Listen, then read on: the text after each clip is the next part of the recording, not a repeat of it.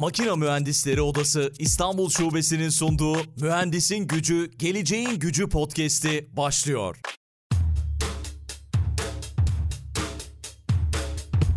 Mühendisin Gücü, Geleceğin Gücü podcast'inin yeni bölümünden herkese merhaba. Bu bölümde her sene yaptığımız klasik bir bölümü yapacağız, gerçekleştireceğiz. İstanbul'da yaşayan mühendisler araştırmasını konuşacağız. Konuğum da şu anda karşımda. Kendisi de bir mühendis tabii ki. Ezgi Kılıç. Ezgi Hanım merhabalar, selamlar, hoş geldiniz. Merhabalar, hoş bulduk. Şimdi tabii ben her konuğuma kendinizi tanıtır mısınız, kendinizi anlatır mısınız diye Aynı soruyu size de soracağım. Tabii sizin oda için önemi olan bir başka özelliğiniz de var. Belki onu da girişte söylemek istersiniz ve son dönemde neler yapıyorsunuz? Nasıl bir kariyerle ilerlediniz mühendislik kariyerinde? Bunu merak ediyoruz. Sonra da çok merak ettiğimiz o araştırmanın sonuçlarına hep birlikte göz atacağız. Tabii ki kısaca anlatayım çok fazla zamanınızı almadan. Ben Ezgi Kılıç, Makine Mühendisleri Odası İstanbul Şube Yönetim Kurulu'nda görev yapıyorum. 2004-2008 Zonguldak Karaelmas mezunuyum. Sonrasında bir ısı proses alanında yüksek lisans yaptım. 2009 yılında da meslek hayatım başladı. O günden bugüne 15 yıldır endüstriyel soğutma alanında uzmanlık yaptım. O alanda alanda da çalışmaya devam ediyorum. Odayla tanışmam aslında mesleğe, daha doğrusu üniversiteye kayıt olduğum ilk gün başladı. Üniversiteye kayıt olduğum aynı gün gidip odaya öğrenci üye kaydımı yaptırmıştım. O günden bugüne 20 yıl geçmiş şimdi baktığımda. 20 yıldır odanın içerisinde öğrenci üyelik, temsilcilik yürütme kurulu üyeliği, denetleme kurulu ve en sonda iki dönemdir şube yönetim kurulu görevim var. Bu dönemde 36. dönemde Makine Mühendisleri Odası İstanbul Şube Başkanlığına aday oldum. Tebrik ee, ediyorum. Yönetimimizin de desteğiyle teşekkür ederim. Çok sağ olun. Böyle bir yola çıktık. Çok yakın zamanda da seçimlerimiz var. Onun için uğraşıyoruz bugünlerde. Süper. Ben tabii odayla bu üçüncü sezon devam ediyor podcast'imizin. Daha önce hı hı. bir kadın başkanımız var mıydı bilmediğim için soruyorum. Bu ilk defa olacak. Süper. yani odanın kuruluşu 1954 dersek 70 yılın sonunda ilk defa olacak diyelim. Peki. Umarız bir ilki yaşamış oluruz. Çünkü genelde yaptığımız sohbetlerde hep şey diyoruz yani mühendis kadın daha az. Yani istatistikler de böyle söylüyor ki zaten birazdan konuşacağız.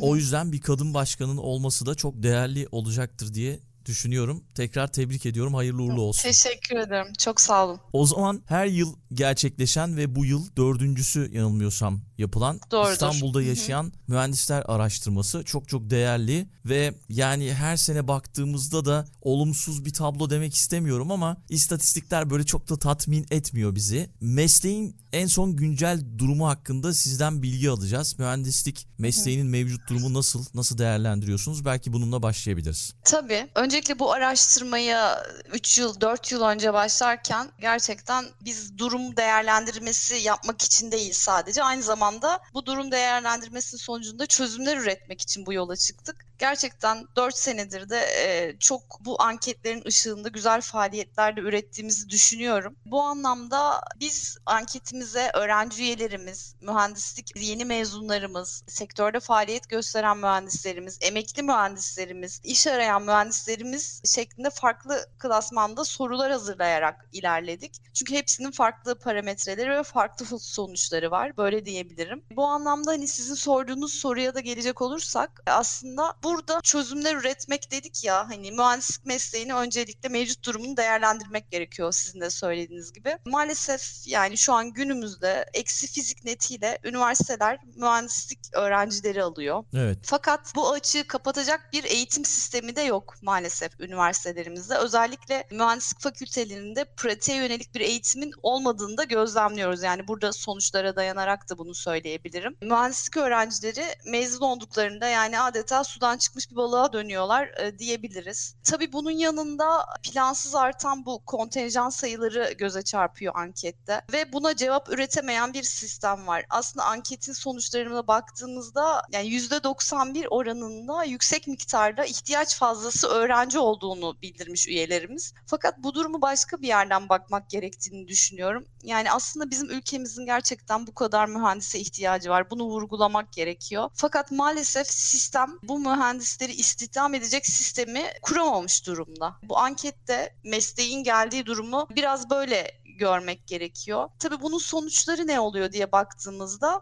Yani %88 oranında meslek itibarının azaldığını görüyoruz. Bunun bir sebebi de bu. Gerçekten istihdama karşılık olarak çok fazla mühendis mezun oluyor her yıl. Fakat buna karşılık gelen iş alanı olmadığında ne oluyor? Ya bu mühendisler çok düşük maaşlara çalıştırılıyor. Asgari ücret civarında maaşlara da çalıştıran mühendislerimiz var maalesef. Bunun karşılığı olarak da yani istihdam koşulları oluşturulmuyor. Yani sanayi yeterince gelişmiş değil ülkemizde baktığınız zaman. Yeterince iş alanları gelişmiş değil. Dolayısıyla mühendislerimiz hem asgari ücretleri çalıştırıyor hem de ara teknik eleman gibi de çalıştırılıyor. Bunun sonucu olarak da evet %78 meslek itibarının azaldığını söylerken aslında bir anlamda bu konunun altını çizmiş oluyor diyebiliriz. Anladım. Yani gelir ve istihdam konusunda enflasyonun etkili olabileceğini düşünerek öyle bir soru hazırlamıştım ama bambaşka bir tablo da var tabii ki. Burada işte eğitim, farklı konular, işte iş alanlarının yeterli olmaması gibi gibi etkenlerden dolayı mühendislerin itibarı biraz azalmış gözüküyor. Farklı meslek grupları için de bu böyle aslında. Oradaki eğitim planlaması sizin de dediğiniz gibi doğru yapılamadığı için belki doğru bir şekilde işlemiyor sistem. Enflasyonun mühendislerin gelirine etkisi ve iş bulma süreçlerin hakkında bu rapor bize ne söylüyor? Çünkü gündemimiz geçen seneden beri yüksek enflasyon ve ekonominin kötü olması. Belki bunun hakkında birkaç bir şey söylersiniz bize. Yani önce birkaç veriyi paylaşmak istiyorum. Sonra da belki bunun sonucunda değerlendirmek lazım. Sizin de dediğiniz gibi şu an %61 oranında mühendisler gelirlerinin enflasyona karşı azaldığını bildiriyor. Yani bu şu demek aslında e, bu oranda aslında mühendisler insani ihtiyaçlarını da karşılayamıyor. Yani bunun karşılığı olarak da. Yani bunu tabii açtığımız zaman birçok şey devreye girebilir. Ama en önemli neden insani ihtiyaçlar dediğimiz şeyler nedir? Barınma, e, yeme içme, gibi bu takım hani en basit ihtiyaçlarını karşılamıyor durumda. Yaklaşık %68 oranında e, mühendis katılımcımız ankete. Bu anlamda bir veri de şöyle %85 ekonominin kötü olduğunu ve 2 yıl içerisinde de düzelmeyeceğini düşünüyor. Tabii bu ne demek? Evet ben şu an bu koşullardayım ve 2 yıl içerisinde de bunu düzeleceğini düşünmüyorum diyen de bir %85 var. Dolayısıyla bu neyi sağlıyor olabilir? Hani insanların işini kaybetmemek adına bu maaşlara mecbur bırakılması gibi bir durumu da aslında yaşıyoruz. Yani haklarını arayamama noktasında bir önümüze veri önümüze çıkıyor. Çok yüksek bir oran var. Bunu özellikle belirtmek istiyorum. %95 oranında gelecek kaygısı çekiyor mühendisler ve %72 oranında yoksulluk sınırının altında maaş alıyor mühendisler şu an Türkiye'de. Yani bizim yaptığımız bu örneklem aslında 1700 civarında mühendisle yapıldı. Bizim İstanbul genelinde 32 bin üyemiz var. Yani normal seçim anketlerine baktığımızda da zaten genelde örneklem olarak bu miktarda bir oranla yapılıyor. Ya o anlamda bunu 32 bin üyeyle çarpabilirsiniz. Yani bu oran gerçekten 4 yıldır değişmiyor fakat maalesef art, artıyor yani bir miktarda artıyor diye de belirtmek lazım. Yani iş arama sürelerinin çok uzun olduğunu görüyoruz burada. %48 e, oranında 6 aydan uzun süredir iş arayan mühendis ol var şu an anketimize katılanların içinde. Bu oran bir de kadınlarda daha yüksek görünüyor. Kadınlarda maalesef birazdan yine belki daha detaylı olan sorularımız var. Bu sene farklı olarak kadın mühendislerimize özel farklı kırılımlarda sorular da sorduk. Hani onu ayrıca da aslında bahsederim. Fakat bu iş arama süreçlerinden kadınlar erkeklere oranla daha fazla etkilendiğini görüyoruz. Bu anlamda biz ne yapmalıyız noktasına belki gelecek olursak bu veriler ışığında. Evet. Yani bizim daha önce SGK ile yaptığımız bir protokol var. Daha önce de bu programlarda zaten bahsedilmiştir. Bizim belirlediğimiz TMOB'un makine mühendislerinin bağlı olduğu Türk Mühendis ve Mimar Odaları Birliği'nin belirlediği bir mühendislik asgari ücreti vardı. Ve bu SGK ile bir protokole bağlanmıştı. Ve dolayısıyla mühendislerimiz, üyelerimiz hadi şirketine gittiğinde bu protokolü örnek göstererek bazı haklarını iddia edebiliyordu. Fakat geçtiğimiz yıllarda bu protokol tek taraflı feshedildi. Yani şimdi böyle bir hakkımızın da elimizden alındığı bir süreç var. Fakat bunun için mücadele etmeye devam etmemiz gerekiyor. Yani bu görüntü bunu gösteriyor. E, önümüzde böyle büyük bir görev var. Bu protokolün yeniden belirlenmesi ve bir imza karşılıklı bir imzaya bağlanması önümüzde bir görev olarak duruyor diyebilirim. Bir standart hani bir... böyle Hı-hı. ücret politikası mı vardı? Yani işte avukatların bir tarifesi var mesela onun altına düşemiyor veya işte hekimlerin olabilir. Farklı meslek gruplarının. Tabii, tabii tabii. Aynen öyle. Belirlediğimiz bir asgari ücret var ve bunun altında mühendis çalıştırılması yasaktır şeklinde bir protokoldü bu SGK ile imzalamış olduğumuz ve gerçekten ciddi anlamda üyelerimizin elini güçlendiren, firmasıyla karşı karşıya geldiğinde gösterebileceği bir imzalı evraktı bu. Biz bununla ilgili hukuki süreçleri de tabii ki takip ediyorduk. Sadece hani şey değil, bunun karşılığında yapılmadığı durumda bir hukuki süreci de başlatabilme yetkisi sağlıyordu o anlamda üyemize. Yani bunun tekrar yenilenmesi için elimizden geleni yapacağız. SGK'nın önünde biraz daha mesai geçireceğiz gibi duruyor önümüzdeki günlerde. İş bulma süreçlerinde yaşanan en büyük zorluk o zaman birinci sıraya geliri koyuyoruz herhalde. Yani bu gözüküyor. İkinci sırada da kadınların daha zor, kadın mühendislerin daha zor iş bulması. Başka ne gibi yaşanan zorluklar var? Yani e, sonuçta yani şöyle bir şey var. Yeni mezun sayısı dedi az önce de söylediğim nedenlerden biri. Mezun sayısı ülkedeki istihdam sayısını karşılar nitelikte değil. Yani sanayinin biraz daha gelişmesi gerekiyor ülkemizde. Hem istihdam açısından hem de ülkemizin hani mevcut sorunlarına baktığımızda mevcut kent sorunlarına deprem zaten bize bir kez daha gösterdi. Yani mühendisin olmadığı bir yerde neler yaşanabildiğini. Bunun gibi birçok alanda çok fazla mühendise ihtiyaç var. Bu alanların arttırılması gerekiyor. Hani bu biraz da devlet politikalarıyla belirlenmesi gereken bir süreç. Yani Sanayi Bakanı'nın ya da işte devletin ilgili bakanlıkların bu konuya biraz daha eğilmesi ve mesai harcaması gerekiyor. Mühendis sayımız fazla değil. Bunu tekrar söylemek istiyorum. Karşılık gelecek olan iş alanı sayısı yeterli değil. Yani bu olayı biraz biz buradan evet. görüyoruz aslında.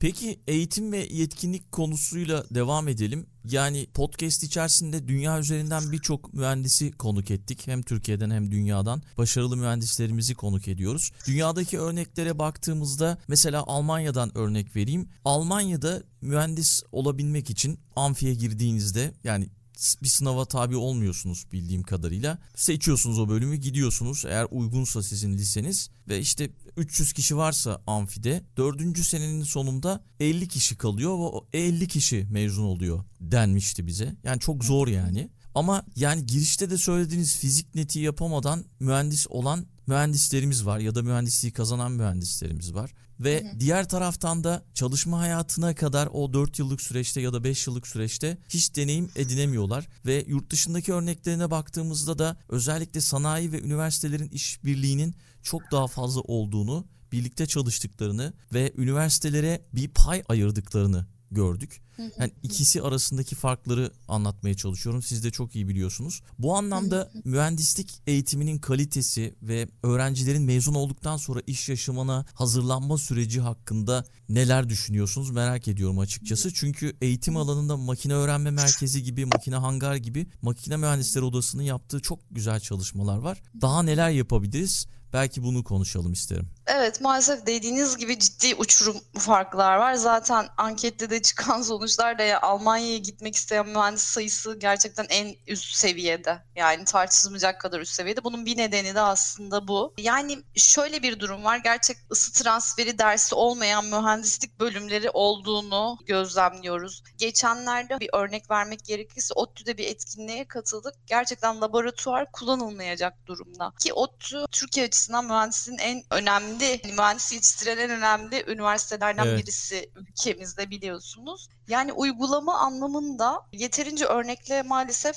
karşılaşamıyorlar. Yani teorik düzeyde bile yeterli değilken bir de üstüne mühendislik uygulamalı bir eğitim dalı bildiğiniz üzere. Yani dolayısıyla bu bunu alamadığında yani mezun olduğunda tamamen bir sıfır noktasından başlıyor. Yani maaşların bu kadar alt seviyede olmasının bir nedeni de aslında bu. Bu da bunun bir sonucu diyebiliriz bu anlamda. Yani bizim yapmamız gereken tabii ki o, bu eğitim sistemini komple değiştirmesi gereken bir sistem var. Bunun eğitim bakanlığı üstünden ya da işte ilgili kurumlar tarafından düzenlenmesi gerekiyor. Evet ama biz üzerimize düşen görevi farkındayız bu anlamda. Yani mühendislerin öğrenciliklerinden mezun oldukları seviyeye kadar eğitim bölümümüz en fazla iş yapan birimlerimizden biri aslında makine mühendisleri odasında. Sürekli sertifika programları açıyoruz. İşte sizin de bahsettiğiniz gibi makine öğrenme merkezinden belki bahsedebiliriz. Zamansız bir öğrenme platformu ama örneklerinden farklı olarak sadece mühendislikle ilgili eğitim veren bir platform.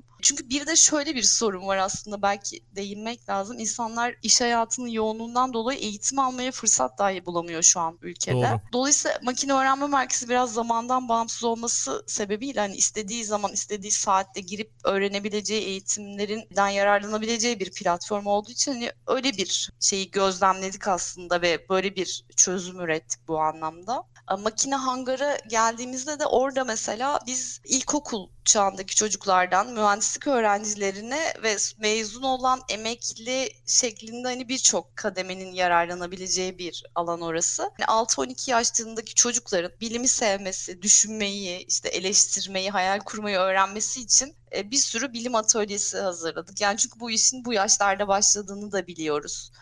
Sonrasında yine öğrencilerin hani üniversitelerinde yararlanamadığı birçok teknik imkanı burada faydalanması için birçok eğitimlerimiz, atölyelerimiz olacak yine bu şekilde. Ve sonrasında da deneyimli üyelerimizin gelip deneyimlerini bu öğrencilerimize aktarabileceği bir takım araçlar geliştirmeye çalışıyoruz buralarda. Çünkü ihtiyaç sizin de dediğiniz gibi çok büyük. Yani bizim tek başımıza kapatabileceğimiz bir şey değil. Biz bulunduğumuz yerden bunu ne kadar destek olabilirsek olmamız gerektiğini de farkındayız tabii. Kesinlikle öyle. Zaten mühendislerin kendilerini geliştirebilmeleri için asgari ücretin üzerinde yani asgari geçimin üzerinde kazanmaları lazım ki şu anda hayatlarını belki sürdürebiliyorlar. Dolayısıyla eğitime, kültüre ya da başka şeylere belki bir bütçe ayıramıyorlar. Ama işte burada makine mühendisleri odası gibi odaların yapmış olduğu bu çalışmalar çok değerli diye düşünüyorum. İşte özellikle makine öğrenme merkezi ve makine hangar ve diğer yapılan destekler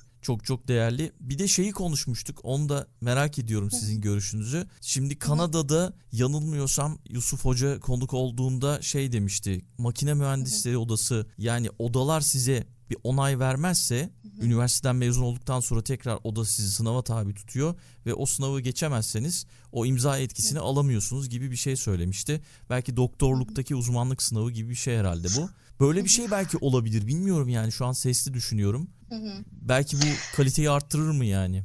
Yani bu zamanda aslında odalarda da çok tartışılan bir konuydu. Yetkin mühendislik e, gibi bir şey. Yani şöyle söyleyeyim evet dışarıdan bakıldığında hani Kanada, Almanya gibi ülkelerde bunun uygulaması çok daha doğru yapılabiliyor. Ama bizde biraz şuna çevrildi. Yani mühendis mezun oldu. Bu sınava girip kazan ya da yetkinlik sağlaması için bir takım belgeleri alması gerekecek ya. O süreçte yani bu kapitalist düzenin verdiği etkiler diyelim. Hani mühendisler stajyer gibi çalıştırılabiliyor o olacaklardı yani ülkemizdeki öyle olacağını öngördüğümüz için biz bu tartışmaları biraz o noktada bıraktığımız bir süreci aslında böyle bayağı bir 10 sene önce diyeyim 10-15 sene önce tartışıp bıraktığımız bir noktaydı. Yani ülkenin her koşulunun buna uygun olması gerekiyor galiba. Evet çok doğru. Ya çünkü biz de burada bugün bu eğitimimizde yanlış söylemiyorum sanırım Almanya'ya gittiğimizde hani 4 senelik bir lisans mezunuyken hani orada 4 sene olarak e, kabul edilmiyoruz sanırım. Belli bir süreçlerden yine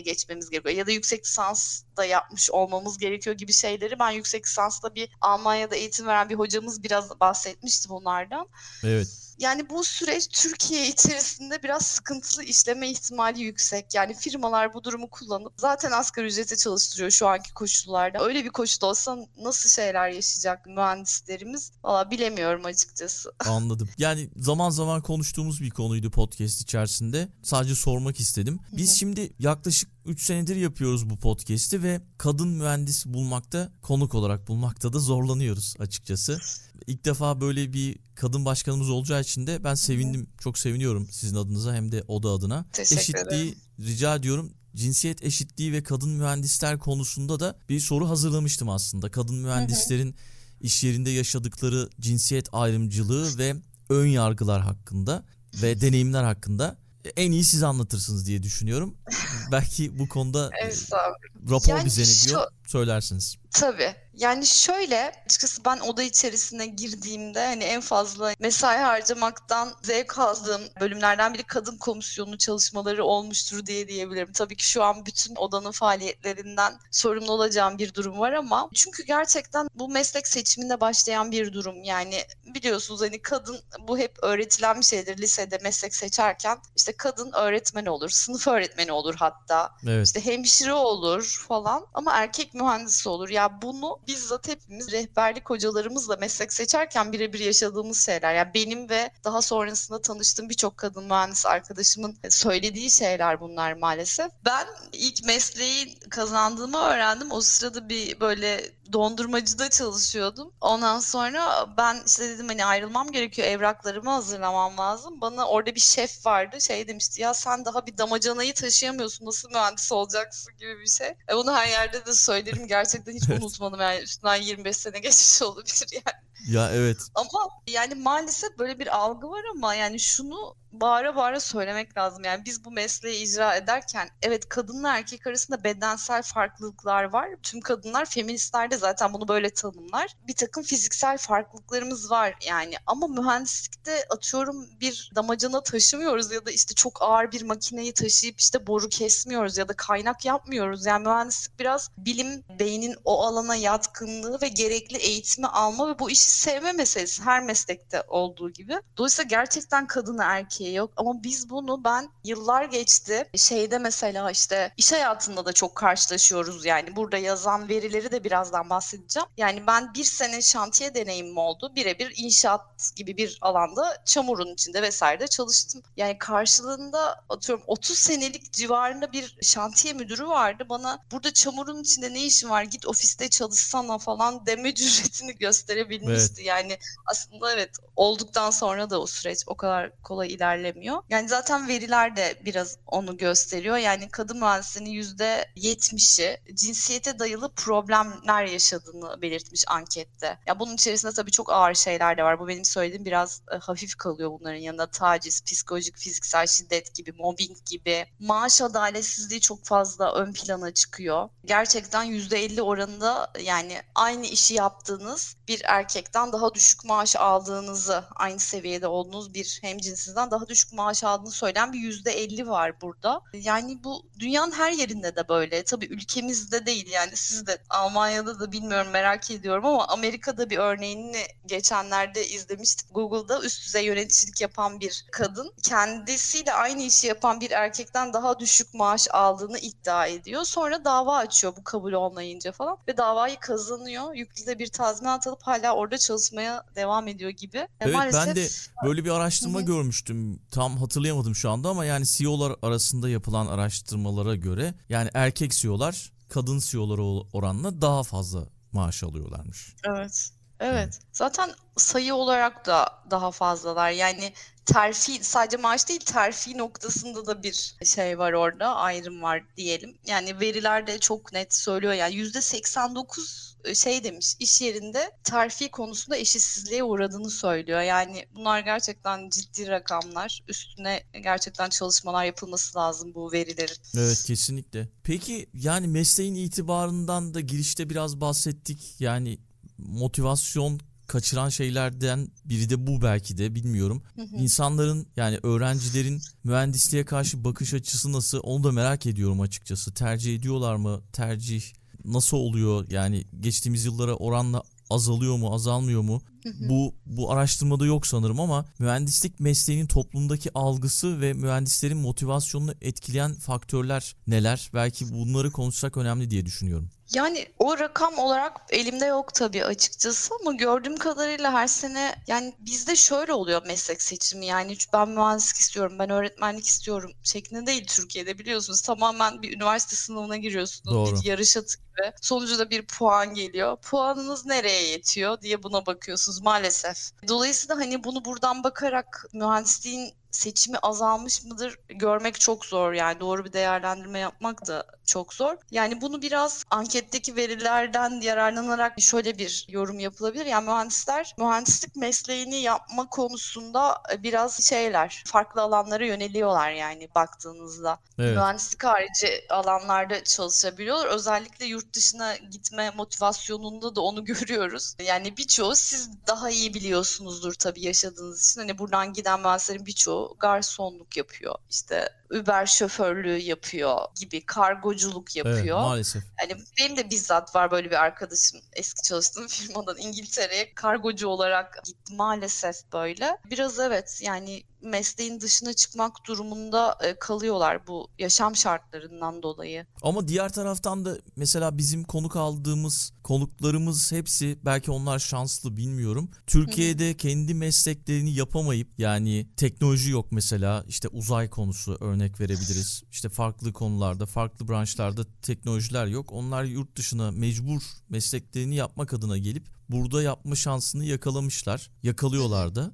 Ama diğer taraftan o verdiğiniz örneklerde gözüme çarpıyor. Görüyorum yani Avrupa'da, Almanya'da maalesef. Yani evet en değerlisi o zaten kendi mesleğini yapabilmek. Ya bu anlamda çok fazla bazen şeyler oluyor işte mühendisler yurt dışına kaçıyor. Kaçıyor değil yani insan ya insani çalışma koşullarında yaşamak ister her insan. Dolayısıyla koşullar bunu gerektirdiği doğrultuda da hareket eder. Olaya biraz buradan bakmak lazım. İşte sizin gibi bu yurt dışında mesleğini icra eden meslektaşlarımız bizim için gerçekten çok değerli ve biz sizlerle gerçekten iletişimi koparmak hiç istemiyoruz. Yani sizlerden de bizim öğreneceğimiz çok fazla şey var deneyimlerinizden. Ama buradan baktığımızda gerçekten çok ciddi ona anlamda yurt dışına gitmek isteyen mühendis var. Evet. Nasıl durduracağız bunu? Nasıl durdurmamız gerekiyor bilmiyorum yani. Yani yurt Yani- dışında olan biri olarak yani bu soruyu sormam da mantıklı oldu mu bilmiyorum şu anda ama Ya mesleğin itibarını tekrar kazandırmamız lazım. Yani her sene artıyor. Yani bu sene bile bir önceki seneye göre %5 oranında daha fazla irtibarsızlaştığını görüyoruz. Yani bir neden bu. Bir neden de aslında hani ülkemizin sürekli bir seçim süreçlerinden geçtiği bir durum var. İnsanlar genel olarak bir umutsuzluk şeyine hakim ülkemizde maalesef. Dolayısıyla hani örgütlenme ve dayanışma noktalarımız da çok azalıyor. Yani Bizim tahminimiz hani İstanbul'da 80 bin civarında makine mühendisi belki daha fazla yaşadığını düşünüyoruz ama sadece bunların 32 bini üyemiz ve aktif olarak baktığımızda bunun yarısı aktif olarak faaliyetlere katılmıyor maalesef. Ya bunu arttırmamız gerekiyor. Biz buralar meslek odaları gerçekten mühendislerin geleceği için, çalışmaları için hani bu mesleğin itibarını kazandırılması noktasında çok fazla faaliyet üretebileceğimiz, sesimizi duyurabileceğimiz yerler. İlk aşama herkesin gidip meslek örgütüne üye olması ve buradaki çalışmalara katılması çok önemli diye düşünüyoruz. Hatta biz bütün çalışmalarımızda başlık hani şöyledir bizde. Örgütlü bir mühendis topluluğu şehrimizi, ülkemizi, dünyamızın gele yani geleceğini değiştireceğine olan inancımız tam diye Yani biraz olaya bu noktadan da bakmak gerektiğini hani söylemek istiyorum açıkçası. kesinlikle öyle. Son sorduğumuz soru da her zaman bu zaten. Odaların önemi hakkında görüşlerini alıyoruz konuklarımızdan. Bu da çok değerli oldu. Meslek odalarının önemi, işte mühendislerin birlikte hareket etmesi, farklı meslek grupları da olabilir bu. Bunlar çok çok önemli. Çok fazla katkı sağlıyor. Yani hem devlete yardımcı oluyor hem de yani mühendislerin birbiriyle olan e, etkileşimi de çok çok önemli. Hepsi değerli diye düşünüyorum ve podcast içerisinde bahsettik ama Makine Hangar diye bir devam eden, Hı hı. Uzun zamandır devam eden bir proje var. Yakında da hayata geçiyor galiba. Belki Evet. biraz ondan bahsedelim. O da çok değerli çünkü dünyada da Evet. çok böyle nadir görülen yapılardan biri. Yapı demeyeyim de yani etkinlik alanlarından biri. Yani bu bilim merkezi yapılırken birçok dünyadaki işte Türkiye'deki örnekleri de gerçekten araştırılarak yapıldı. E, Önemli olan bir bilim merkezi açmak değil, buranın işler duruma getirilmesi. Birçoğu çünkü altı, altı durumda olduğunu da gördük. Yani biz burada hani çok fazla şey yapmayı düşünüyoruz. Dediğim gibi aslında 6-12 yaşındaki çocuklara bilimi sevdirmek düzenlemekten tutun hani sektörün içerisindeki birçok faaliyet. Yani biz burada yılda 12 tane en az etkinlik yapmayı planlıyoruz. Şu anda da geçtiğimiz 3 Şubat'ta bir başlangıcını yaptık. 10 Şubat'ta asıl açılışını bu cumartesi günü yapacağız biz. Şu an içerisi robotlarla dolu öyle söyleyeyim. Yani bu görüntü bile insanı gerçekten umudunu yükseltiyor öyle diyeyim. Bir robot köpeğimiz var dolanıyor ortalarda falan gibi. Gerçekten kendini çok aşan bir proje oldu. Özellikle sektörde önemli firmaların ciddi anlamda sahiplendiği sektör derneklerinin yani 20 civarında sektör derneğinin burada faaliyet yürütmesini bekliyoruz. Bunu kurguluyoruz. Bunlar gerçekten çok ciddi rakamlar. Ya bizim için önemli olan bir projeyi ortaya koyduğumuzda sahiplenilmesiydi. Tıpkı diğer hani öğrenme merkezi vesaire olduğu gibi burası gerçekten hani bizi aşan bizim de dışımızda sektör dernekleri ve sektördeki önemli firmaların sahiplendiği bir noktaya da geldi. Yani burası gerçekten bizi o anlamda çok heyecanlandırıyor diyebilirim. Harika. Şimdi destek olan kurumlara baktım tek tek. Onları da Hı hı. link olarak paylaşayım. Belki bizi dinleyen, takip eden mühendisler de destek olabilir. Hem bireysel olarak hem de kurum olarak destekleyebiliyorsunuz. Ve gelip de görebilirler. Herhalde üye olmaya da gerek yok. Gelip görebilirler değil mi? Merak Tabii edenler. ki, tabii Aha, ki, tabii ki, tamam. tabii ki. Hı. Süper. Peki o zaman çok teşekkür ediyorum. Güzel bir bölüm oldu. Rica Böyle ederim. araştırmanın sonuçlarını da merak edenler için yine podcast'ın açıklama kısmına koyarız. Daha ayrıntılı bakmak isteyenler için. Biz böyle bir bakış açısı yaratmaya çalıştık umarım. Teşekkür ederim. Ben son olarak şeyi de eklemek istiyorum. 18 Şubat'ta yine bahsettiğimiz Kartal Hangar'da yapacağız seçimlerimizi. Tüm üyelerimizi oraya demokratik haklarını kullanmak için bekliyor olacağız orada. Sabah 9'dan akşam 5'e kadar gelip oylarını kullanabilirler. Dayanışmaya, örgütlenmeye, bir arada olmaya çok ihtiyacımız var. Bu anlamda hani seçimler bizim için çok önemli. Hepsini 18 Şubat'ta Kartal Hangar'da buluşmaya davet edeyim buradan da. Çok çok teşekkür ediyoruz. Umarız Rica Her ederim. şey ben için- teşekkür ederim. umarız her şey güzel olur. Bir kadın başkanımız olsun isteriz açıkçası. Tekrar e, Teşekkür hayırlı olsun, ederim. başarılar diliyorum size. Teşekkürler. buluşmak üzere. Görüş, hoşçakalın.